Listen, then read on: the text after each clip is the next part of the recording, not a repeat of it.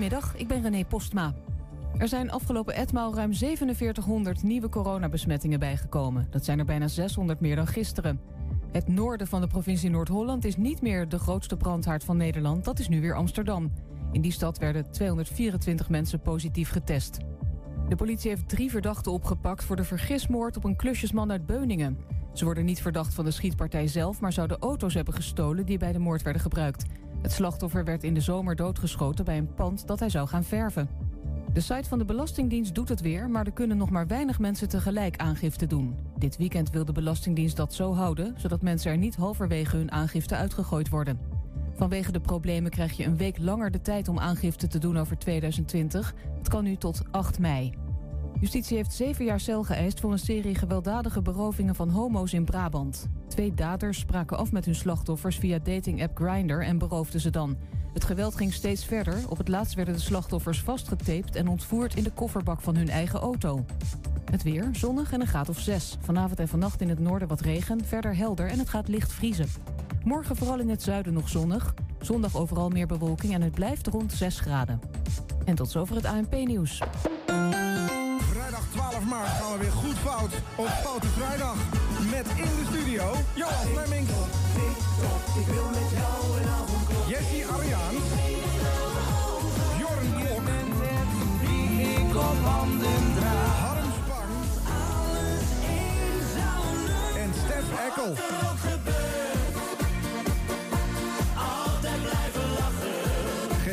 Drie guilty pleasures door via 120.nl slash Foute Vrijdag.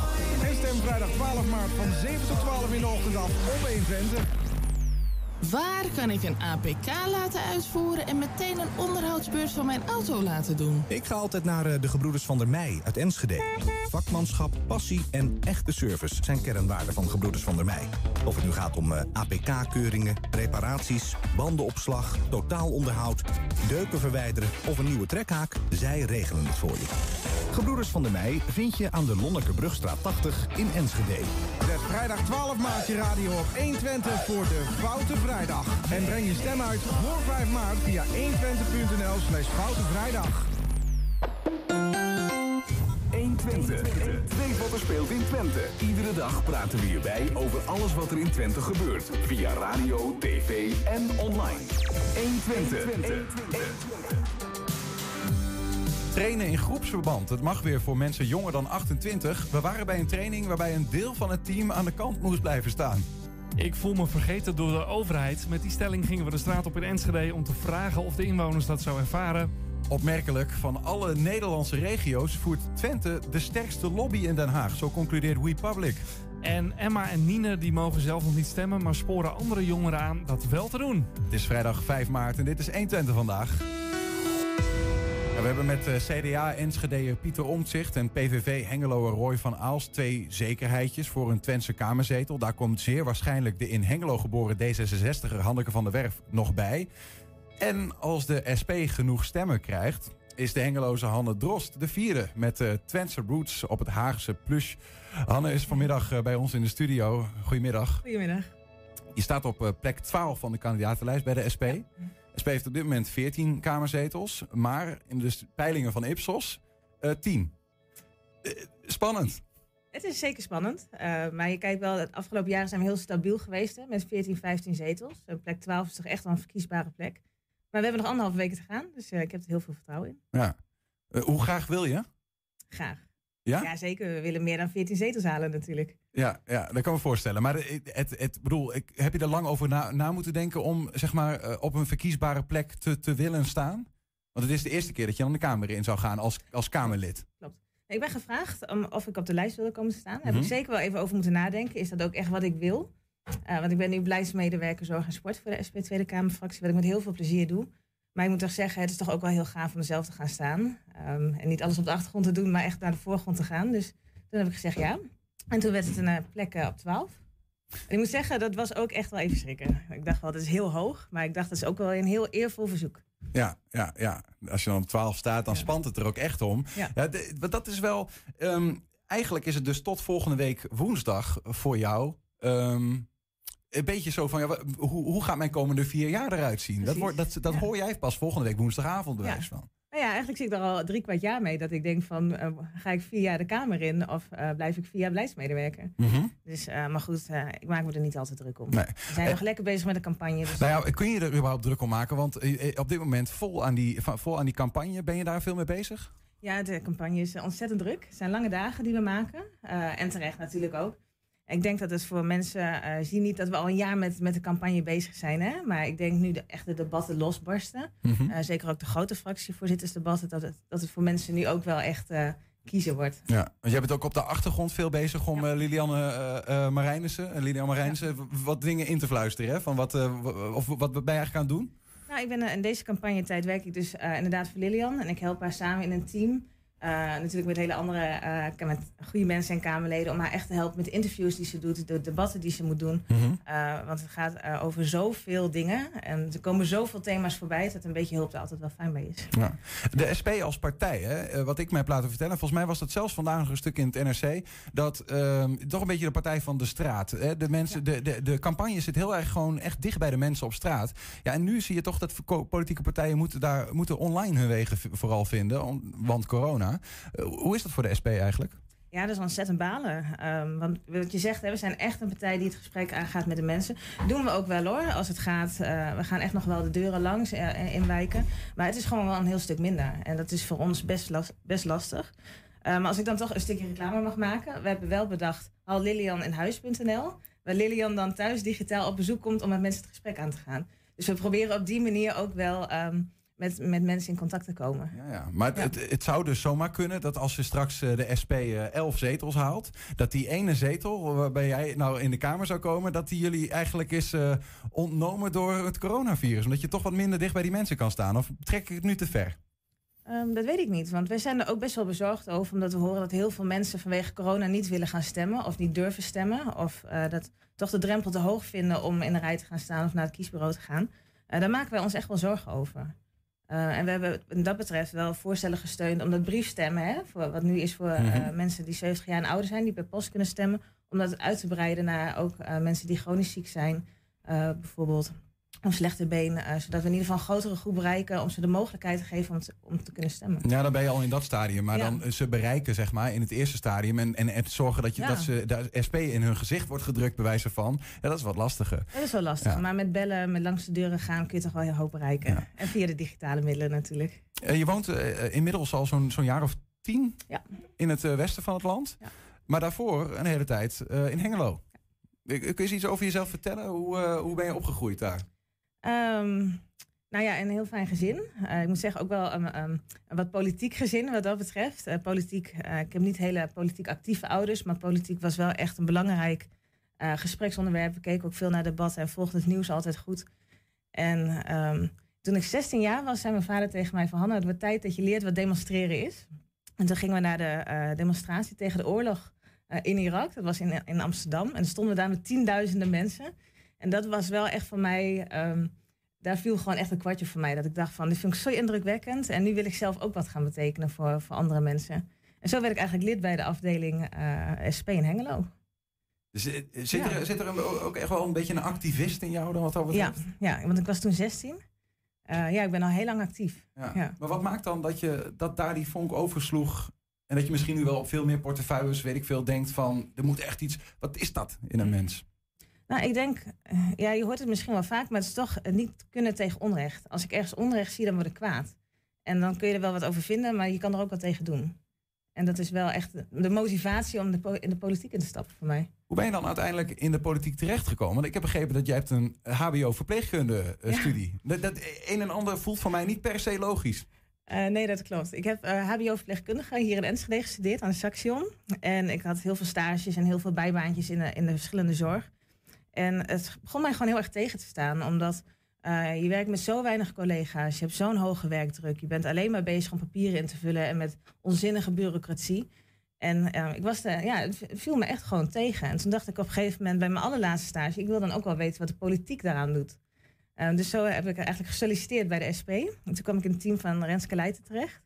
En toen ik afgestudeerd was, vroeg ze of ik wilde blijven werken. Dus eh, nu, eh, bijna tien jaar verder, zit ik er nog. Dus eigenlijk gewoon van je ziet in de uitvoering en voor een inwoner of voor een werkende wat het Ja. beleid voor, uit- voor uitwerking heeft in de zorg bijvoorbeeld. Ja. En dacht, ja, dit ben ik niet mee eens, maar ik kan er niks aan doen. Dus ik ga maar aan de andere kant van het verhaal staan, bij- aan de beleidsmakende kant. Ja, maar dat vind ik wel ontzettend leuk om te doen. Omdat ik toch wel heb, heb geproefd over wat er op de werkvloer speelt, wat er Mhm. gebeurt. En daarom kun je ook makkelijke voorstellen doen in de Tweede Kamer om daar ook echt wat tegen te doen. Ja. Zijn er nog meer dingen waarvan je dan zegt, nou, dit kom ik nu gewoon ook zelf als inwoner tegen, eh, maar misschien ook wel om me heen. En dat is ju- zijn juist dingen waarin ik denk, in de Tweede Kamer, daar maken we het beleid, eh, daar wil ik wat aan doen. Wat zijn die specifieke dingen voor jou? Ehm, Oeh, dat zijn er heel veel. Ehm, We hebben nog eh, een paar minuten. Oké. Eh, nee, ja, ja, kijk, je- je- ik zie heel veel mensen die ehm, eh, eh, moeilijke toegang hebben tot zorg, omdat ze met hele hoge eigen risico te maken hebben. Of ik zie heel veel vrienden van mij die eh, geen huis kunnen kopen, ehm, omdat gewoon de huizen gewoon veel en veel te duur zijn geworden. Eh, ik zie mensen, ehm, veel, veel studenten ook die ik ken, die ontzettende schulden nu moeten maken, hè, omdat de studiefinanciering is afgeschaft. Eh, ja, dat zijn wel echt problemen waarvan ik zeg van, daar moeten we echt in de Tweede Kamer wat aan doen. Mhm. En daar zijn we ook heel druk mee bezig. Ja. Maar om maar een paar voorbeelden te noemen. Je hebt, je hebt, je hebt eerst in de Haagse po- eh, eh, lokale politiek eh, gezeten. Hè? Ja. Om misschien wel diezelfde gevoelens, zeg maar, even te kijken van hoe werkt het in het lokale, wat kan ik eraan doen. Hoezo die stap nu naar de landelijke? Ehm, nou, wat ik, in de raad had ik één zetel. Ik zat daar in mijn eentje. En dan ga je echt over alle onderwerpen. Je hebt wel eh, 500 onderwerpen waar je het woord op voert, waar je beslissingen over moet maken. En in de Tweede Kamer ben je als Kamerlid wel echt meer gespecialiseerd in bepaalde dossiers.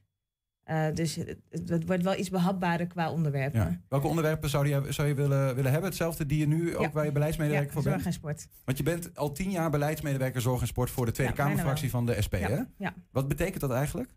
Eh, dat betekent dat ik de Kamerleden help met het voorbereiden van debatten. Dus eh, ik maak de briefings, maak de spreekteksten, de moties, de interrupties, de verdedigingen. Ik sta mensen te woord aan de telefoon, ik beantwoord de mailtjes. Ik ehm, heb contact met onze wethouders, onze raadsleden in het land. We gaan veel Mhm. op werkbezoek. Eh, dus dat houdt het een beetje in kort in. Ja, precies. Ja. Ja, en die een Kamerlid kan er natuurlijk niet in zijn eentje. Nee, maar die, Ja. die, ga, die gaan nu gewoon zelf in die arena staan om Ja. die teksten die je dan maakt eh, of anderen maken zelf voor te dragen. Ja, precies. Ja, ja. Ehm, eh, we hadden hier onlangs, eh, we, hebben, we hebben verschillende kandidaat-Kamerleden op bezoek gehad. En ook eh, Hanneke van der Werf, ik noemde er al even. Met, met nou, enige zeker, eh, aan zekerheid grenzende waarschijnlijkheid gaat ze ook de Kamer in. Ja. In Hengelo geboren, in de Haagse lokale politiek terechtgekomen. En nu naar de Tweede Kamer. Veel raakvlak, ken je haar? Ja, ik ken haar vanuit mijn periode in de raad. Altijd heel goed contact mee gehad. Ja. Is er nog meer wat jullie bindt naast die, die hele route vanuit Hengelo naar het Haagse? Nee, ik denk het niet. Nee, nee. Politiek niet, nee. Kom je nog vaak in Twente eigenlijk? Ja, heel vaak. Eh, mijn ouders wonen er nog wel.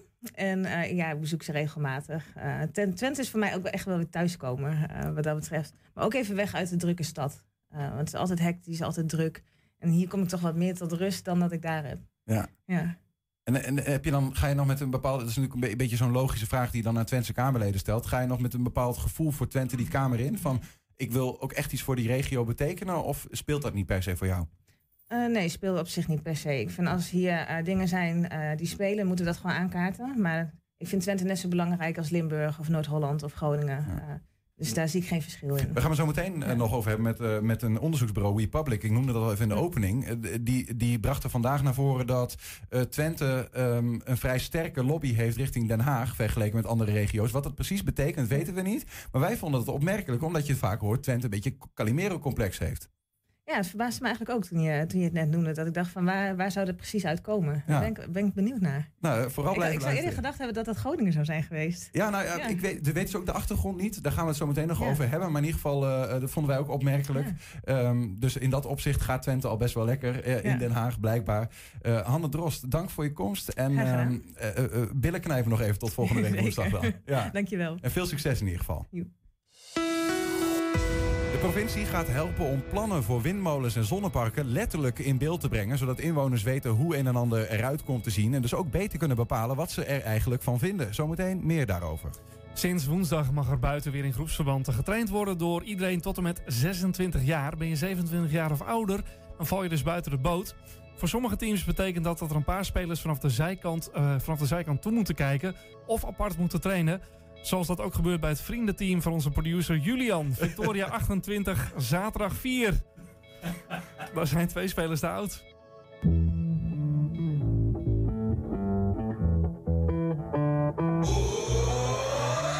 Ja, Casper. Ja. Er mag weer getraind worden. ja, het mag wel, maar ik kan niet. Nee. Nee, ja. Hoe ver val jij buiten de boot? Hoe oud ben je? Eh, ik val eh, twee jaar buiten de boot, 28, dus eh, ja, dan mag het allemaal niet. Ja, je mag nu wel buiten sporten, maar ja, ik mag niet met de groep meedoen. Kijk, er wordt nou gesproken over dat mensen tot 27, of, ja, dus dat is tot met 26 niet mogen trainen. Maar mensen vanaf 27 die mogen wel goed trainen, maar die moeten in een apart groepje of op een ander veld of op een ander deel van het veld en dan mag je met maximaal twee trainen. Dus ik ga lekker trainen. Ja, want hoe ver val jij net buiten die groep, zeg maar? Die Ja, ik, ben, ik ben 27, dus ik val een jaar buiten. Je zit echt net... eh, te- Ja. Ja. Ja, nou, je zegt al, je bent keeper, dus dan sta je al iets verder van de groep af. Ja, kijk, dat is volgens de regels, eh, volgens die coronaregels natuurlijk niet goed. Maar eh, als ik gewoon in mijn eentje ergens in een apart hoekje ga staan, ik ga hoog houden, dan mag het wel. Dus ik vind het allemaal een beetje onzin en eh ze zullen me raken, maar ik ga gewoon lekker trainen. Hoe is het dan om hem bezig te zien? Jij staat aan de andere kant te wachten. Ehm, nou ja, ik ben blij voor hun. Eh, zij mogen uiteindelijk wel weer. Maar ja, het voelt wel zuur aan dat je zelf dan niet kan. Eh, maar ja, dat is een beetje, als ergens een grens wordt getrokken, valt er altijd iemand buiten de boot. Nou ja, dat ben ik. En eh, nog iemand anders helaas. Dus eh, ja, dat is super kut, maar daar doe je niks aan. Ik heb op de KFB-site gekeken en daar stond ook op eh, dat je wel met z'n tweeën erop mag staan. En dat je mag trainen. Dus ja, weet je, ik ben een beetje skate zat al die, eh, al die maatregelen. Dus voor mij wat kunnen ze de bommen. Is het dan niet verleidelijk dat je denkt van, ach, niemand heeft het door, ik spring er toch even tussen? Eh, wel verleidelijk, maar in mijn geval niet. Eh, ik heb een hele kleine blessure aan mijn enkel. Dus ja, moet ik sowieso twee weken rust gaan doen. Dus zelfs als ik vandaag mocht, dan had dat er al niet in gezeten. Dus dat had, had voor mij geen, niet heel veel uitgemaakt. Ja, dus even de randjes opgezocht van dit mag en dan... eh, Ja. En ik ben ook wel bereid om over de randjes in te gaan. Maar daar moet het team niet de dupe van worden natuurlijk.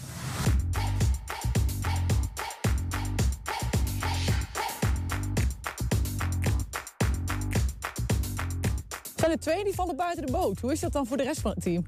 Ja, ik denk dat het wel een beetje lullig is dat ze niet mogen spelen. En eh, ik denk dat die jongens vooral ook jammer vinden. De conditie blijft van hun lager ten opzichte van de rest, denk ik. En dat gaan we straks wel weer merken met, het, eh, met de wedstrijden. Nu werd er al flink gewaarschuwd, om zo lang stil te hebben gestaan. Moet je een beetje rustig opbouwen. Houden jullie daar nog rekening mee? Ja, nee, zeker. Zeker. Gewoon rustig opbouwen. Rustig, eh, vooral de warming-up is belangrijk. En eh, daar rekening mee houden. Dus niet te veel trainen. De eerste paar keer eh, we gaan ook een uur trainen in plaats van anderhalf uur. Dus eh, in de hoop dat we daarmee eh, blessures kunnen voorkomen. En de avondklok in de gaten houden. Ja, klopt. Nee, we moeten voor, eh, officieel moeten wij tien voor half negen moeten wij van, het complex, moeten we van het veld afgaan. En dan rond half, eh, half negen moet eigenlijk heel het complex leeg zijn. Om te zorgen dat iedereen eh, rond negen uur binnen is. Ja, heel bijzonder. En ik, heb, ik heb gehoord, hè, uit eerste hand, dat, er, dat er nadat de camera's uitgingen nog een heel klein opstootje is ontstaan tijdens- in het team. Dus de spanning was hoog eh, op de velden gisteren. Ja, we gaan het hebben over windmolens en zonneparken. Twente moet ze plaatsen, net als andere regio's, om eh, groene energie op te wekken. Maar ja, hoe krijgen we nou een letterlijk beeld van hoe zo'n windmolen of zonnepark eruit komt te zien op een bepaalde plek, zodat we ook goed kunnen bepalen of we dat eigenlijk wel willen? Juist daar gaat provincie Overijssel nu eh, mee helpen. We praten daarover met statenlid van de onafhankelijke conservatieve liberale Stijn Hesselink. Stijn, goedemiddag. Hallo, goedemiddag. Ja, alle partijen in de provinciale staten stemden gisteren voor de motie geheten visualiseren gevolgen energietransitie. Dat zijn drie eh, woorden. Wat betekenen die? Nou ja, wat je ziet is dat heel veel mensen in Overijssel nog helemaal niet in de gaten hebben wat voor plannen er zijn. En eh, welke concrete plannen er nog gaan komen eh, wat betreft de zonneparken en de windturbines. Dus zodoende lijkt me een heel goed plan om als de provincie iets meer regie te nemen wat betreft het visu- visualiseren en eh, da- daarin ook de gemeente te gaan benaderen. En eh, nou ja, gelukkig zegt elke partij zo over in eh, provinciale staten en is woensdag die motie aangenomen. En wat betekent het? Hoe, hoe moet ik dat voor me zien, zo'n zo'n visualisatie? Hoe gaat het er dan letterlijk uitzien wat jullie betreft? Nou ja, eigenlijk is het aan de gemeenten om die dan vorm te geven, die visualisatie. Maar ik denk dat het een hele goede optie is voor heel veel gemeenten om dan bijvoorbeeld een fysiek bord bij een zoekgebied te plaatsen. Of ik bedoel bij een gebied waar concrete plannen zijn eh, voor zo'n windturbine of zonnepark. En op die borden kun je dan bijvoorbeeld een QR-code plaatsen eh, waarmee je dan verwijst naar een digitale animatie. Om het nog weer iets duidelijker te maken en ook iets dynamischer. En natuurlijk op zo'n bord kan natuurlijk ook een, eh, een toelichting komen of een nadere nou ja, betekenis van nou ja, waarom is dit allemaal en eh, wat gaat er gebeuren. Dus Ja, eh, ja. zodoende. En alle, je zei het al even, hè, alle, alle partijen stemden voor die, die motie. Jullie hebben het ook met een, met een x-aantal partijen ingediend. Maar de- blijkbaar is daar eh, ook veel behoefte aan. Ja, gelukkig, want ik, ik had wel verwacht dat hij zou halen, zou halen natuurlijk, die motie. Omdat het ja, van tevoren inderdaad al midden in was gediend door een meerderheid. Maar zelfs GroenLinks en de Partij voor de Dieren en dat soort partijen, waar ik geen steun van verwacht had van tevoren, die stemden gelukkig ermee in. En eh, het geeft wel aan in hoeverre dit eh, onderwerp eh, leeft en speelt. Waarom verwacht je geen steun van die partijen? Ik heb daar misschien wel een idee bij, maar ik wil graag van jou weten hoe je dat ziet. Ja, eh dat zijn denk ik wel de partijen die het meest pro-klimaat, hoe zeg je dat, verandering zijn, wil ik haar zeggen. Pro, pro het oplossen van het klimaatprobleem zijn. Ja, precies. Zijn niet pro-klimaatverandering, maar wel tegen het... precies. Ja? Absoluut, ik maakte even een foutje, maar goed, ik heb me Geen hersteld. probleem. En ik heb eh, eh, zodoende geen steun verwacht van GroenLinks, want die eh, zijn helemaal pro-windturbines, zonneparken. Maar eh, ondanks dat eh eh, steunen zij gelukkig deze motie. Ja, want met, met, met dit idee, eh, met die ehm, visualisatie, heb je dus het feit dat, dat inwoners beter kunnen zien. Wat betekent het nou eigenlijk echt eh, dat er straks zo'n windmolen in die haven van Enschede komt te staan? Of, of in het landschap in mijn achtertuin, bij wijze van. Hè?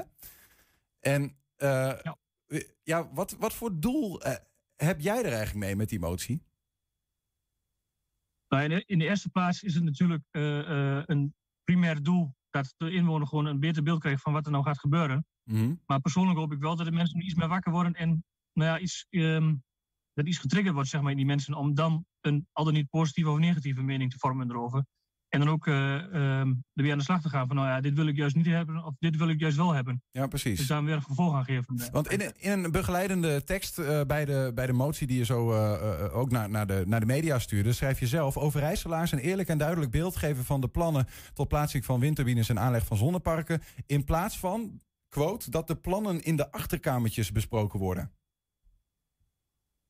Ja, dat is denk ik wel het beeld wat heel veel mensen hebben. Want eh, de plannetjes worden niet letterlijk natuurlijk in achterkamertjes eh, besproken. Ze zijn wel beschikbaar. Maar het komt voor de burger wel eh, op neer dat er eigenlijk heel veel onduidelijk nog is. Dus in, in die zin is het wel een soort van achterkamertjes idee wat mensen heel veel terecht bij hebben in die zin. Het is ook wel een moeilijk proces, hè? Daar zit, dat ook wel in. Met die, eh, Nederland heeft een, heeft een opgave. Dat is gewoon een Europees, eh, of dat is dat klimaatakkoord. En dat is eh, uiteindelijk eh, toegevloeid naar de, naar de regio. Re- Twente moet een x-deel energie gewoon uit groene energie halen. Nederland heeft bepaald, je moet windmolens en zonneparken plaatsen. Ehm, ja, eh, eh, nu is het dus voor jullie zo. Je zegt van we, gaan, de provincie gaat in ieder geval actief gemeenten benaderen en ook financieel voorthelpen om die visualisatie van die windmolens en zonneparken voor elkaar te krijgen. De vraag is dan wel, dat klinkt nog steeds wat vrijblijvend, zeg maar, voor die gemeenten. Moeten ze er ook wat mee, wat jullie betreft, of niet? Nou, het is geen kwestie van moeten. Eh, ik kan me wel heel goed voorstellen dat, ook omdat het financieel ondersteund wordt vanuit de provincie, dat gemeenten gretig, gebruik gaan maken als ze dan eenmaal eh, concrete plannen hebben. Dus ehm, ik denk dat een gemeente zich wel in de vingers snijdt als ze het niet doen, laat ik het zo zeggen. Maar het is geen kwestie, kwestie van moeten natuurlijk. Ja, nou, ze hebben al ge- een uitdaging genoeg, zou je soms bijna zeggen. Hè? Met, eh, want, want het levert al hier en daar best wel wat wrijving op. Want wat betekent het nou eigenlijk? Stel dat, dat, dat eh, door, door dit geld en door de hulp die jullie nu als provincie geven. ehm, eh, eh, eh, staat er straks een bord in mijn achtertuin die zegt: Nou, zo komt het eruit te zien. En ik had, het, ik had er nog helemaal niet van gehoord. En nu denk ik ineens: Wat voor drie dubbeltjes zeg. Die, dat moet ik helemaal niet hebben. En eh, er komt opstand. Wij, wij willen dit niet. Wat dan? Nou ja, ik zou het dan heel eh, realistisch vinden dat bijvoorbeeld, nou ja, de provincie gaat het natuurlijk niet over. Die hebben ook vanuit de landelijke eh, een, eh, een opgave. Maar ik denk wel dat je nu ook al, maar ook in de toekomst, steeds meer weerstand gaat zien. En ehm, nou ja, ik zou het heel ongepast vinden als de provincie, gemeenten, eh, landelijke overheid daar niks meer zou doen. Dus op een gegeven moment zal er hopelijk wel een keerpunt komen van, nou ja, dit moeten we eigenlijk niet willen. Laten we godsnaam nou ja, kernenergie doen. Of eh, over een aantal jaren zullen er ongetwijfeld andere technieken mogelijk zijn. Om die dan toe te passen in plaats van dit eh, eh, wat we nu van plan zijn. Ja, dus de- het, even voor mijn beeld, het kan nog wel. Stel dat, dat wij eh, als Overijssel met z'n allen, ik weet niet of dat zo is, maar stel dat de meerderheid van Overijssel zegt, we willen helemaal geen windmolens of zonnepark in onze provincie. Ehm, ja, weet je, wat ik tot nu toe begrepen heb, is dat het Rijk dan gewoon gaat zeggen, ja sorry, maar het moet. Dus dan hier, hartstikke idee, zetten wij ze wel neer voor jullie. Nou ja, zo gaat het niet helemaal, want de uitvoering ligt natuurlijk bij de gemeente. En ik zou het eh, nogmaals heel ongepast vinden als ze die houding eh, voortzet dan. Eh, ondanks alle weerstand, alle zorgen bij de, terechte zorgen bij de inwoners natuurlijk. Mhm. Dus ik hoop dat er over een aantal jaar en geleidelijk aan wel een kentering plaatsvindt. Die je trouwens nu ook al ziet, bijvoorbeeld met biomassa. Dat was ook eerst een heel hot topic, maar dat verdwijnt nu ook langzamerhand van de agenda. Dus dat soort dingen zie je wel gebeuren. Ja. En ik kan me er heel goed bij voorstellen dat het ook ge- gaat gebeuren bij eh, zonneparken en eh, windturbines. Ja, wat even voor, voor, voor de duidelijkheid. Wanneer eh, moeten die plannen voor windmolens bijvoorbeeld in, nou ja, in Twente, laten we het bij onze eigen regio houden, ehm, uitgevoerd gaan worden? Nou ja, het is allemaal nog heel onduidelijk en het verschilt ook heel erg per gemeente. Maar het is in ieder geval zo dat de gemeenten ehm, voor 2030 moeten voldoen aan een minimum aan opwekking wat ze duurzaam zogenaamd dan opwekken. En eh, voor 2050 eh, zijn er nog hogere doelstellingen. Dus eh, dat is de richtlijn. Maar een exact, exact tijdspad is nog niet echt bekend de gemeente. Het is in alles wel duidelijk, Stijn, dat het niet jouw voorkeur heeft, hè? Nee, dat mogen duidelijk zijn. Daar maak ik ook geen geheim van. Nee. Ehm, eh, tot slot dan, eh, geinige bijkomstigheid. Gisteren deden jullie de statenvergadering deels in het Neder-Saxisch. Dus jij bracht ook die Woensdag. motie in het Neder Sorry, woensdag. Je, dus jij bracht ook die, woen- die, die, die, die motie in? Ja, ik vond het een hele leuke eh, idee van eh, mijn collega de heer Leverink, Dino Leverink. En eh, nou ja, ik, zou, ik had zoiets van, nou waarom niet? Het is een hartstikke leuk item, een leuk thema. Dus in die zin kan ik ook eh Twents, dus in die zin, waarom niet? Wat is een windmolen in het Neder-Saxisch? De windmel, denk ik. Een windmil. en een zonnepark, hebben we die ook nog? Eh Zonnepark heb ik ervan gemaakt. Ik eh, denk dat dat het woord is. Weg, weg met de windmil zonnepark, was jouw stelling, denk ik, of niet? Ik ben er helemaal mee eens. Ik helemaal mee aan. Stijn Hesseling, statenlid voor de onafhankelijke conservatieve liberalen. Dank voor de uitleg. Straks praten we met eh, Wout Brama, de FC Twente-speler. Die werd vorige week vader.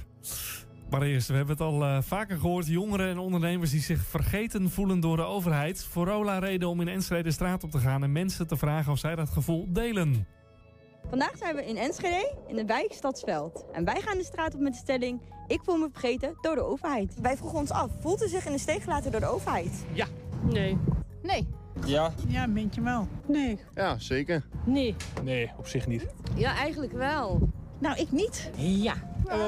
Ja, ja. Ja, het is net hoe je het bekijkt. Nou, hoe kijkt u het? Voelen wij ons in de steek gelaten door de overheid? Ja, Ja? een beetje wel. Oké, en waarom niet? Ja, dat vind ik een beetje moeilijk om uit te leggen. Ik heb er wel vertrouwen in, denk ik. En ik denk dat we allemaal doen wat we kunnen. Nou, de maatregelen die nu worden genomen, eh, ja, ben ik het niet helemaal mee eens. Vrijheid. Zij kan slecht naar de kapper. En ehm, ja, je kan gewoon niet doen en laten wat je wil. Ik vind het allemaal wel prima zoals alles geregeld is. Alleen de vaccinatie vind ik wel jammer dat dat nog wat langer duurt. Ja, gewoon eh, allemaal van die onzinnige eh, regels. Er is met alles lockdown. En eh, er komen geen versoepelingen. Heel veel mensen, vooral de horeca.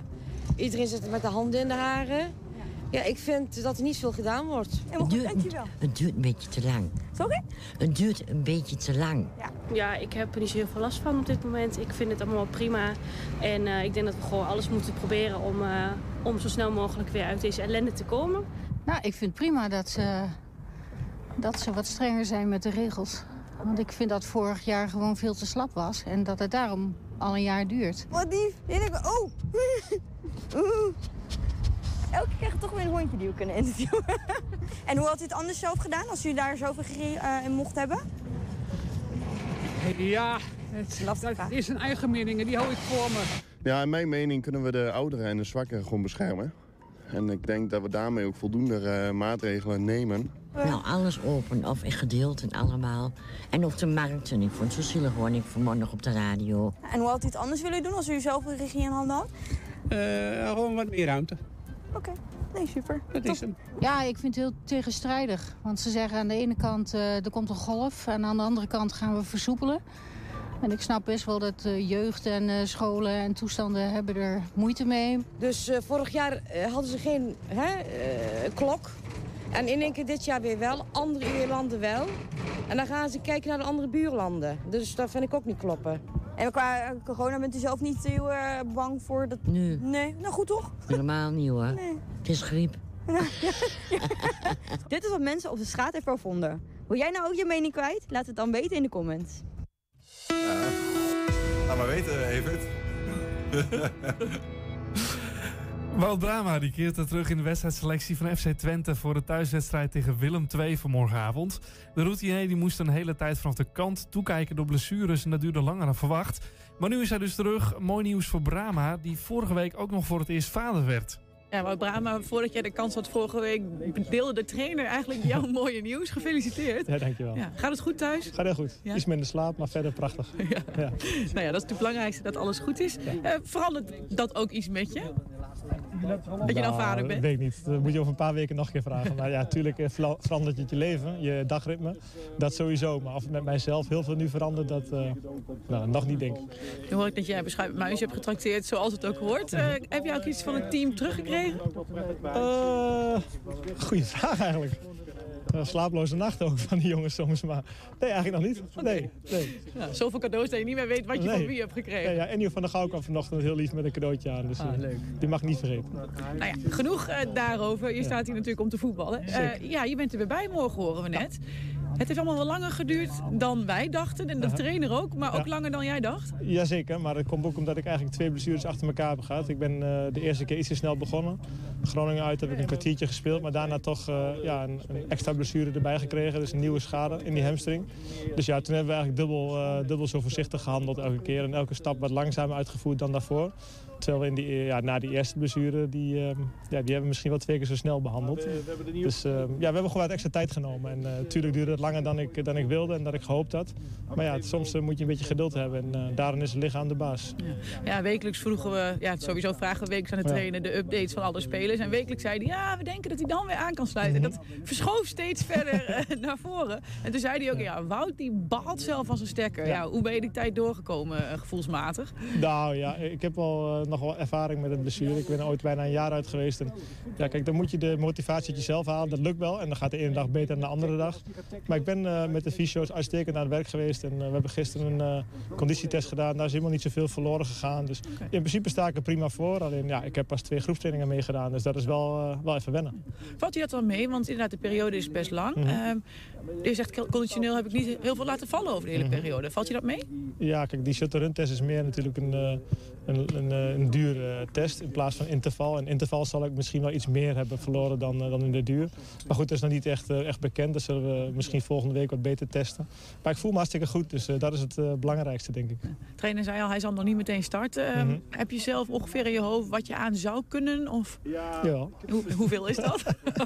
nee, maar dat loopt altijd een beetje scheef met wat de fysio's vinden. Dus eh, als ik daar allemaal uitspraken over ga doen, dan, eh, dan krijgen zij misschien straks een stok om de oren geslagen. maar wat denk jij, wat denken zij? Hoe ver ligt het uit elkaar? Nou, dat ligt, eh, ligt zeker een half uur uit elkaar. Oké. Is dat dan eh, jouw eh, grote optimisme wat Nou, daarop speelt? Weet je het is? Als je speler je goed voelt, wil je gewoon graag weer meedoen. En, ik, maar ik begrijp ook het voorzichtigheid van, van de fysio's. Omdat ik de vorige keer gewoon te snel ben begonnen. Dus ja, het is, hopelijk kunnen we een middenweg vinden. Fijn dat jij er in ieder geval weer bij bent in je afwezigheid. Yes. Hebben de jongens het opgepakt? Rami Serouki staat goed te spelen volgens Ja, mij. Hoe zeker. kijk jij daarnaar? Ja, prachtig. Ik vind het heel mooi dat hij... ja, dat juist hij die kans heeft gekregen. Ik, eh, ik heb het hele jaar eigenlijk al tegen, tegen hem gezegd van kom wel, kom wel, kom wel. En hij heeft al nou, twee, drie jaar eigenlijk is hij aan het wachten op die kans. En elke keer eh, is hij wel gewoon goed aan het trainen. Haalt eh, constant zijn niveau. En ik vind dat hij het supergoed doet eigenlijk. Vanaf januari, de eerste wedstrijd, staat hij er meteen. Dus ja, leuk om te zien. Dat bedoel je met juist hij? Ja, ja, vind ik mooi dat hij eh, die kans heeft gekregen. Omdat hij er hard voor gewerkt heeft. En je ziet vaak dat jonge jongens, als ze even niet spelen en het zit een beetje tegen... verkassen ze meteen naar een andere club. En hij heeft heel geduldig gewacht op zijn, op zijn kans. eh, blijven ontwikkelen en dat vind ik mooi om te zien. Morgenavond is hij er dus weer bij tegen Willem II. Zometeen geef je een blik achter de schermen bij het samenstellen van maar liefst 12.000 tasjes met energiebesparende producten die Enschede'ers de komende weken gratis kunnen ophalen. Maar eerst Nix Calimero Complex. Van alle Nederlandse regio's voert Twente de sterkste lobby in Den Haag. Dat blijkt althans uit onderzoek van We Public. Opmerkelijk, vanuit de regio zelf klinken nog wel eens andere geluiden. Bijvoorbeeld Twente ligt veel verder van Amsterdam dan andersom. Nou, dat blijkt misschien wel mee te vallen. Aan de lijn Monique Schumans van We Public, betrokken bij dat onderzoek. Monique, goedemiddag. Goedemiddag. Ik quote, ik quote even, van alle Nederlandse regio's voert Twente de sterkste lobby in Den Haag. Eh, heel, Dat toch- ja? ja, absoluut. Dat is prachtig, toch? Dat, eh, eh, ja, en, en de regio die wordt steeds belangrijker. Dat zie je ook in, in partijprogramma's. Ten opzichte van 2017 is er 25% meer aandacht voor die regio's. Ja, en een opsteker natuurlijk voor Twente, maar natuurlijk ook voor jullie buurregio Zolle, die op de tweede plaats staat. Eh, ja, eh, mensen hebben hier echt de lobby eh, hartstikke goed. Dus Jasper Kerkwijk en Hans Verbeke en alle mensen die daaromheen hangen, hebben dat ontzettend goed voor elkaar. Maar wa- wat bedoel je dan met, met een regio? Want, want bijvoorbeeld de Randstad zou je ook als een regio kunnen zien. Maar die, of tel je echt de, nou ja, de regio in het oosten van het Nederland dan? Nou ja, nee, wat is de regio? We hebben gekeken voor het onderzoek naar regio's. Dus ook regio's in de, in de Randstad die mee hebben gedaan voor het verkrijgen van een regiodeal. Nou, de, het kabinet had de afgelopen vier jaar 950 miljoen eh, euro beschikbaar gesteld aan regio's om daar allerlei projecten mee te doen. Eh, nou ja, Twente heeft daar eh, aan meegedaan. En die hebben eh nou, ontzettend krachtige lobby daarop eh, gevoerd. Mhm. Alle instrumenten eigenlijk uit de kast gepakt. Maar ook bestuurders, ondernemers, eh, maatschappelijke organisaties, onderwijsinstellingen, eh, landbouwers. Iedereen heeft meegedaan om te zorgen dat er eh, nou, toch een groot bedrag richting Twente is gekomen. Dus wat ik van jou En, begrijp is dat zeg maar even de, die regio-deal... er is een bepaalde som geld die, waar, Ja. waar aanspraak op gemaakt zou, zou kunnen worden door de regio's. En Twente heeft daar het meeste geld uitgesnoept. Nou, niet het meeste. Oh. Het was gemaximeerd. Zo mocht je niet helemaal zeggen. Ze hebben er wel, als je kijkt naar de andere regio's, wel, staan ze wel aan top. Maar eh we hebben met name in het onderzoek gekeken van hoe hebben ze het eigenlijk aangepakt. Eh, dus hoe effectief waren ze eigenlijk in de lobby? Nou ja, en daarvan zie je dat ze het nou ja, volgens het boekje hebben gedaan, maar zelfs sterker nog. Dus ze hebben de koppositie eh, absoluut verdiend. Maar hoe meet je effectiviteit van zo'n lobby dan? Nou, we hebben gekeken naar een aantal facetten. Dus we hebben gekeken, heb je een plan? Heb je het plan geëvalueerd? Eh, wat heb voor middelen heb je ingezet? Eh, wat was je doelstelling? Was die ook eh, smart? Was die ook duidelijk meetbaar? Maar wat ga je ook verder doen? Hoe heb je de lobby überhaupt in je regio ingericht?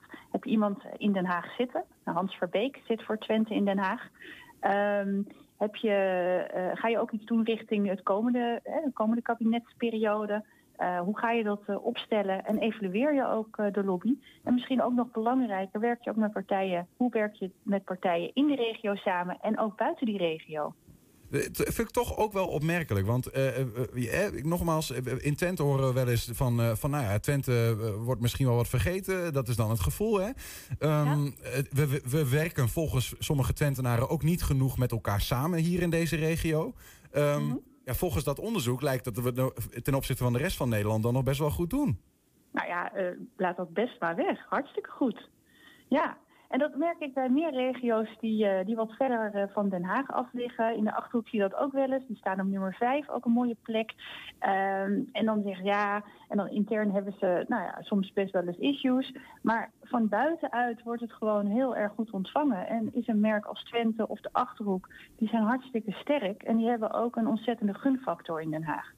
Even gewoon voor, voor mijn beeld. Want je noemt net een aantal regio's dat zit hier in de buurt. Wat zijn nou regio's die het dan heel slecht doen? Nou ja, heel slecht. Dat is natuurlijk, we hebben een, eh, een lijstje en daar eh, staan er ook regio's die, eh, die, die minder scoren op onze, onze meetlat. Nou ja, daar is Hekkensluiter Parkstad Limburg. Dat ligt natuurlijk wat verder weg. Ehm, maar goed, die zijn nog heel erg in de opstartfase van hun lobby. En je ziet dat een regio als Twente jarenlang heeft geïnvesteerd in, in de lobby.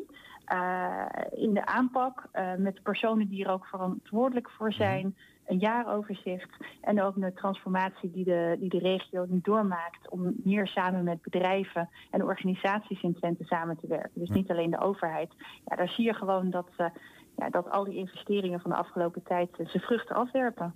Dus ik begrijp dat, dat jullie hebben gewoon een x-aantal indicatoren genomen van... oké, eh, heeft de regio een plan? Eh, hoe wordt dat plan uitgevoerd? Eh, welke poppetjes zijn erbij betrokken? We- Weet ik veel, hoe zit het allemaal? Aantal indicatoren. En die ga je dan scoren. En al met al scoort Twente daarin gewoon ver uit het hoogst.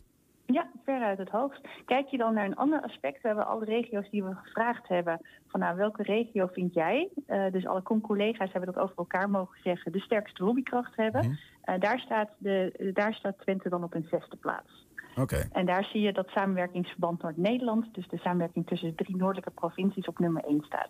Een van de conclusies is ook dat de, de Twentse lobby is effectief... omdat de regio glashelder weet te maken wat haar uniek maakt. Ja, ja, ja. En dat, eh, dat is misschien ook wel het huiswerk dat wordt gedaan. Hè? Eerst even goed nadenken voordat er naar Den Haag wordt gestapt. Terwijl er misschien regio's in de Randstad wat sneller overheen stappen en met een half plan naar Den Haag gaan. Ehm, maar eh, de Twentenaren denken daar goed over na. En Ja, oké, maar ben je, dan ook echt, ben je dan ook echt uniek als regio? Of weet je het dan eh, gewoon, heb je er goed over nagedacht en weet je het heel goed te brengen? Nou, dat. Maar sterker nog, je zorgt ook dat al die bestuurders, al die ondernemers die richting Den Haag of contacten met Den Haag hebben, hetzelfde verhaal vertellen. Wat is het doel eigenlijk van zo'n onderzoek dat jullie doen? Nou, wij zijn heel benieuwd vanuit ons vakgebied. Er is best wel veel onderzoek gedaan naar eh, de lobbykracht van gemeenten en naar provincies, maar ook bedrijven. Maar er is nog nooit onderzoek gedaan naar de lobbykracht van regio's. En mijn stellingname is dat regio's eigenlijk steeds sterker worden. En dat eh, bewijst dit onderzoek ook. En de- wat, wat kunnen we daarmee? Nou, eh, nog verder verbeteren, want je bent nooit uitontwikkeld, denk ik, als regio. Eh, dus ook voor, voor, eh, voor Twente is het natuurlijk belangrijk om nog eens naar de uitkomsten te kijken en ook geïnspireerd te raken door voorbeelden van anderen. Ja. Maar vooral ook richting de komende kabinetsperiode ja, ligt het lobbyveld weer open en kan, het, kan het weer beginnen. Heb je specifiek, ja, ik weet niet of je de Twentse zaak ook echt helemaal kent in het onderzoek, maar heb je specifieke aanbevelingen voor Twente?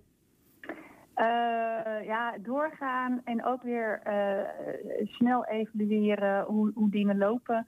Eh, en en, en, en eh, wat ik heel krachtig vind en waar ze vooral mee door moeten gaan, eigenlijk de, ook de, de, de communicatie. Dus het merk Twente nog, nog meer laden in, in Den Haag.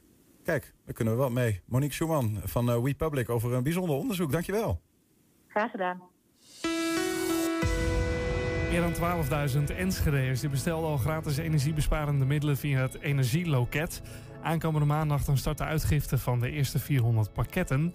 Energieambassadeur Hans die helpt mee om de aangevraagde ledlampen, douchekoppen en andere energiebesparende producten in tassen te stoppen. Wij zijn eh, hier met een aantal vrijwilligers. Zoals jullie zien zijn wij bezig om dus eh, voor de bevolking die allemaal een eh, tasje besteld hebben met inhoud... zijn we met elkaar aan het eh, inpakken. En eh, ik ga met jullie een route lopen om jullie een idee te geven hoe dat wij dat doen. Kijk, ik sta hier nou bij nummer 4, want daar vraagt men dus naar. LED, ledlampjes 4 en dan willen ze graag zesmaal willen ze daarvan hebben. En dan gaan we dus kijken naar eh, het verbruikersmonitor abonnement. Daar willen ze dus één keer van hebben en die gaan we eventjes aanstrepen. Want die moeten namelijk apart inkomen, want die staan dus ergens anders. En dan gaan we dus van de lampen...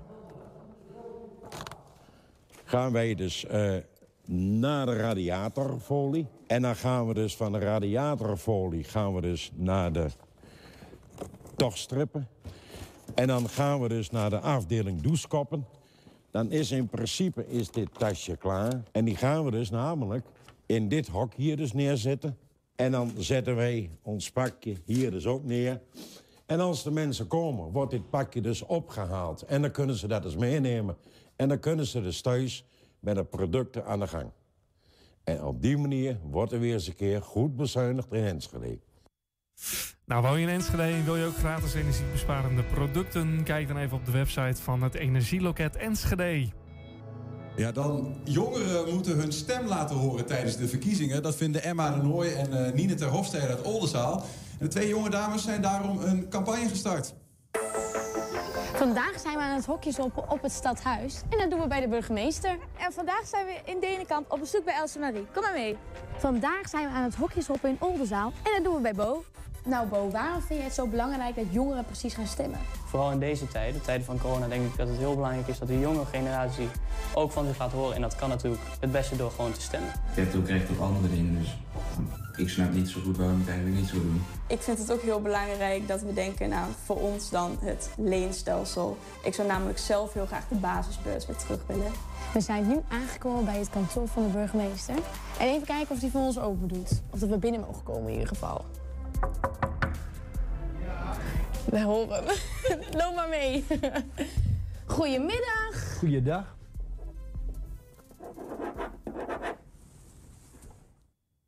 En Emma en Nine eh, zijn bij ons. Goedemiddag. Goedemiddag. We hebben hem, eh, we hebben hem hier, hè? Ja, we hebben hem daar. Ons hele grote potlood. Als ik dat zou zeggen, zou het heel gek zijn.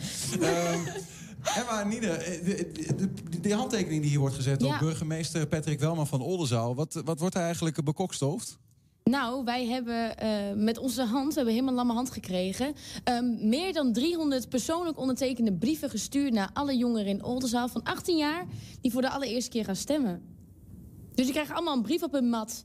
En dan moeten ze even die brief doorlezen. En er staat precies in wat ze moeten doen... welke voorbereidingen ze moeten treffen. En eh, ja, gewoon stemmen. Ja, staat dat er dan ook in, Nine? Staat er ook bij eh, van ga nou alsjeblieft stemmen? Ja, we motiveren echt waarom jongeren moeten stemmen. Dat is het hele punt van het hokjeshoppen. En dat hoort daar dus een klein beetje bij. Wij vinden dat gewoon heel belangrijk. We denken gewoon dat het nodig is om ook een keer van de jongeren te laten horen. En ehm, we vinden het jammer dat er zo vaak een beetje eh, afstand van wordt gehouden. Mhm. Ik heb even eh, de cijfers opgezocht. Een onderzoek van Ipsos. In 2017 daalde de opkomst onder jongeren tussen 18 en 24 naar 65 procent. En ook de politieke interesse is lager. Ja. Hoe kan dat, Emma? Mm, Geen idee. Ik denk, Maar jij bent jong. Ja, ik ben jong. En maar ik mag zelf nog niet eens stemmen. Dus Nee, dat is dat- eigenlijk best wel bijzonder. Nina ook niet. Wij zijn 17 en wij gaan campagne voeren om eh, jongeren naar de stembus te trekken. Maar we mogen zelf nog niet eens stemmen. Nee. Ehm, ja, politiek is denk ik gewoon niet heel sexy. Maar ik denk dat we wel sexy kunnen maken hoor. Dat denk ik serieus. Proberen we. Ik heb zoveel vragen, want eh, ehm, laten we even beginnen, want je noemt dat zelf al. Jullie zijn al bij 17, mogen zelf nog niet stemmen, maken je dus wel hard voor die verkiezingen, zeg maar. Ehm, eh, is, het, is het frustrerend voor jou, Nina, dat je nog niet mag stemmen? Omdat je het blijkbaar wel zo graag wil? Eh, en, en, de ene kant wel, maar de andere kant ook niet. Ik, ja, het is nou eenmaal zoals het is. En ik probeer dan gewoon vooral andere jongeren te motiveren... dat zij al wel gaan stemmen. En dan Mhm. volgend jaar gewoon eh, ja, gemeenteraadsverkiezingen... dan ga ik er gewoon vol in. Dan ga je ervoor. Maar eh, voor nu, eh, hoe, hoe maken jullie het dan? Want Emma zegt, we willen het weer sexy maken. Hoe, ga je, hoe doen jullie dat met hokjeshoppers? Ja, met hokjeshoppen gaan we langs bij mensen die voor de eerste keer gaan stemmen. En proberen we die drempel om te gaan stemmen, proberen we wat minder groot te maken. Die, dat stapje naar de politiek willen we zo klein mogelijk maken. En dat ja, doen we dus door laagdrempelige filmpjes te maken. En laagdrempeligheid, ja, daar hopen we dat we de jongeren daarmee een beetje aantrekken. Wat is er te zien in die filmpjes, Emma? Nou, wij gaan jongeren volgen die voor de allereerste keer gaan stemmen. Dus wij gaan kijken welke processen hun afleggen. We gaan een eh, jongere stemwijze invullen. Ehm, dus wij nemen eigenlijk een kijkje bij hun in de keuken over welke, eh, hoe ze zich gaan verdiepen in eh, welke partij. Maar we gaan ook jongeren interviewen die voor de allereerste keer of gewoon vaker op een stembureau zitten. Want dat is best wel bijzonder, want je hebt niet heel vaak een beeld bij. Je hebt heel vaak een beeld bij dat er wat oudere, volwassene mensen zitten. En het is veel leuker als je even een frisse blik ziet daar. Misschien ken je degene wel. Superleuk toch? Om Ja. elkaar daar tegen te komen. En waar zijn die filmpjes dan te zien? Ehm, op onze sociale media kanalen. Op Facebook en Instagram van de Jeugdraad Oldenzaal. En op de eh, eh, social media eh, kanalen van het keukentafelgesprek. Dat is een podcast. Ja, ja, precies. Daar kunnen die filmpjes zien. En je noemde het al even, hè? die eh, jeugdraad Oldenzaal. Daar zijn jullie, jij bent voorzitter volgens mij, Ja, ik Emma. ben voorzitter. En Nina, je bent de secretaris. Yes, ja. Wat is dat voor je, wat is een jeugdraad? Nou, Jeugdraad is een groep van jongeren namens de eh, gemeente. De gemeenteraad heeft het opgericht. En wij eh, vertegenwoordigen de stem van de jeugd in Oldenzaal. Dus wij komen gewoon op voor de jongeren. En wij proberen dat dan eh, door te vertolken. En ook echt wat te doen met die eh, stem van de jongeren. 17 en ik vind politiek interessant. Waar haal je die interesse vandaan? Hoe, ben jij gek? Ja. Ehm, ja, Goed dat je hem zelf sta- stelt. Ja, het is, wel, het is natuurlijk wel anders dan anders. Hè? Ehm, jongerenraden die, eh, zijn nog niet heel erg eh, bekend, ook niet onder de jongeren. Ehm, maar er wordt wel heel ge- veel gevraagd naar jongeren. Dat zeggen we ook in de persconferenties. Ehm, en dan denk ik van, goh, we kunnen gaan lopen mokken op onze bank. En we kunnen zeggen van, ja, en dit moet anders en dat moet anders. Maar door middel van een jeugdraad of een jongerenraad... kun je ook echt het verschil maken. Dus ik ben niet zo mokker op de bank. Ik ga er gewoon voor. Maar wordt die, wordt die stem van de jongeren genoeg gehoord, wat jou betreft? Nee, hij wordt nog steeds niet genoeg gehoord. Hij kan, het kan beter. En komt dat omdat de jongeren zichzelf niet genoeg laten horen? Nou, het is heel vaak praten over jongeren in plaats van praten met jongeren. En bij, die, die, die, dat, dat, die afstand is een beetje te groot. En Ja, weet dan niet of jongeren nog harder moeten schreeuwen... of dat er gewoon meer aan ze moet worden gevraagd. Ja, maar ook zeker praten door jongeren. Dus laten jongeren zelf een Ja. stem creëren Mhm. en opbouwen en hun stem laten horen. Maar het ligt zeker aan allebei de partijen hoor. Ja. Eh, Ja. Jongeren moeten misschien meer aangetrokken getrokken worden of meer geprikkeld worden om toch hun mening te laten horen. Ja. Eh, maar er kan inderdaad nog wel Nou ja, veel in, veranderen. in- vooral in de aanloop naar eh, verkiezingen. Oké, we kunnen gaan stemmen. Maar als, als jouw eh, stem niet in die partijprogramma staat van die partijen... Hè, Ja. ja, dan, waar stem je dan eigenlijk op? Dus je moet, dat is goed om te laten weten... voordat partijen hun, überhaupt hun plannen gaan maken. Ja, zeker waar. Dus wij zitten hier nu toch met elkaar. Jullie zijn allebei eh, 17. Eh, Nina, als jij nou eh, de, de dictator van Nederland zou worden... wat gaat er dan veranderen in Oldenzaal? Oh god, geen idee eigenlijk. Dat is een moeilijke Nee, d- vraag. d- Dat is, niet, eh, dat is niet hoe ik denk, inderdaad. Maar ik denk Kleinere dat onze Nee, dat is, is. niet waarom wij het doen. We willen gewoon... het- het- ik ben geen dictator. Ik wil de stem van alle jongeren uit Oldenzaal. Nee, oké, maar misschien weet je dan wel een beetje, of Emma, jij, van wat er dan onder jullie leeftijdsgroep leeft. Wat, zou, wat zouden jullie eh, aan, als eerste aanpakken als je die macht zou krijgen als jongeren? Oeh, dat is wel een hele lastige vraag. Is, maar dat, is- maar dat is ook een moeilijke vraag. Ja, hè? maar Want het het is is, ook een makkelijk om te moeilijke- zeggen, we, we, we voelen ons soms wat, wat, wat weinig gehoord. Ja. Maar we weten ook niet helemaal waar het dan door komt. Is dat wat je dan eigenlijk zegt? Ja, precies. En ik denk ook omdat wij horen natuurlijk ook niet alles. Mhm. Dat is het. Dus eigenlijk moeten jongeren ons ook op gaan zoeken. Maar dan vragen wij ons af, is die stap dan te groot of is die te klein? Of eh, hoe moeten wij het zelf ook aanpakken? Ja, want jullie hebben een, een oproep gedaan voor, om eh, bij mensen langs te gaan... om ze wat te vragen over ga je stemmen of Yes, niet? ja. Maar de, de reacties waren nog niet echt heel veel. Hè? Daarin zie je ook al wel dat die jongeren nog niet helemaal... Nee, het is allemaal een beetje spannend. En, eh, Het is natuurlijk ook een- lastig Twente- onderwerp, Ja, politiek. het is lastig en het is een beetje geheimzinnig. En in Twente wil iedereen een beetje... eh, zolang je maar normaal bent, is het allemaal goed. Dus dan... om- nee, vooral nee niet, zeggen eh, is makkelijker dan ja Ja, zeggen. en teken vooral niet buiten de lijntjes. Nee. Waarom zou je dat doen? Waar- Waarom, waarom doe je dat? Dat Ja, is toch ja, niet? ja. Nee. Is Ja, toch het moet ook in het hokje, hè, dat ja, gewoon je. in het hokje ook. Zou Maar- raar zijn als je een rondje om het hokje zet, maar goed. Wat jij zegt, hè, de, de politiek is, een- is, een, eh, is een lastig eh, onderwerp. Terwijl politiek op zichzelf eigenlijk al helemaal geen onderwerp is. Hè. Nee. Het gaat over ons leven en de dingen die, eh, zoals, zoals onze wereld om ons heen eruit ziet. Eh, de- hoe krijgen we dat nou zo, dat dat idee, dat, dat politiek ver weg is... dat dat wat dichter bij, de, bij ons komt? Nou, dat kan heel makkelijk. Door op 17 maart te stemmen en dan te kijken of er iemand hier in de buurt is, dus in Overijssel, die de stem van Overijssel kan vertegenwoordigen in Den Haag. Mhm. Dus ga op zoek, ga kijken of er mensen zijn die zich kandidaat stellen vanuit Overijssel, dan kan daar ook de stem worden gehoord. Ja, ja. Want die weten precies wat hier speelt. Een van de dingen, ik ga, ik ga jullie een beetje helpen. Een van de dingen die, die, die ik wel eens hoor van die jongeren, ehm, nou, bij jongeren in het voorhoofd zitten, en dan hebben we het over school. En dan met name je 17, vervolgstudie komt eraan of is er al. Eh, je moet gaan eh, lenen om je studie te betalen. Hè? Het leenstelsel waar ik eh, gewoon een cadeautje heb gekregen van de overheid. Ja, ja. dat is lullig. Ja, hoorde dat je is- net ook al in het filmpje. Ja. Dat vinden meer mensen. We Dat hebben in vinden meer elk, mensen. elk filmpje, elk, elk persoon dat wij interviewden, zei van... Ja, zou ik wel graag sprake. terugzien. Ja, het Mhm. kwam telkens ter sprake.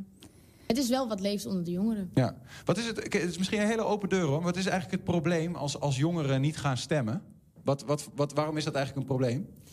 Dan worden we ook, dan worden we ook niet gehoord. Nee. En dan inderdaad, wat de, als je dan hebt over de basisbeurs of het leenstelsel... en jij bent voor de basisbeurs, maar je laat vervolgens je stem niet horen... en vervolgens wordt het leenstel gekozen... ja, dat had je misschien toch wel even je stem moeten doen. Mhm. Het gaat wel over jouw toekomst. En je denkt misschien heel... Weet je, Den Haag is hier heel ver vanaf. Dat snap ik heel erg goed. Het is ver van je bedshow. Maar ga het wel doen. Alsjeblieft, misschien maakt jouw stem net het verschil. En dat maakt het sowieso. Want je hebt in ieder geval je stem laten horen. En dan kan je ook meepraten. Want als jij niet gaat stemmen... en je gaat wil proberen volgens mee te praten... dat kan niet, want je laat je stem al niet horen. Ja, ja, ja. Hoe gaat het eigenlijk met jouw eh, idee voor een eh, stemdiscotheek, eh, Emma? Ja, Niels, dat heb ik al Nou. eerder verteld, hè?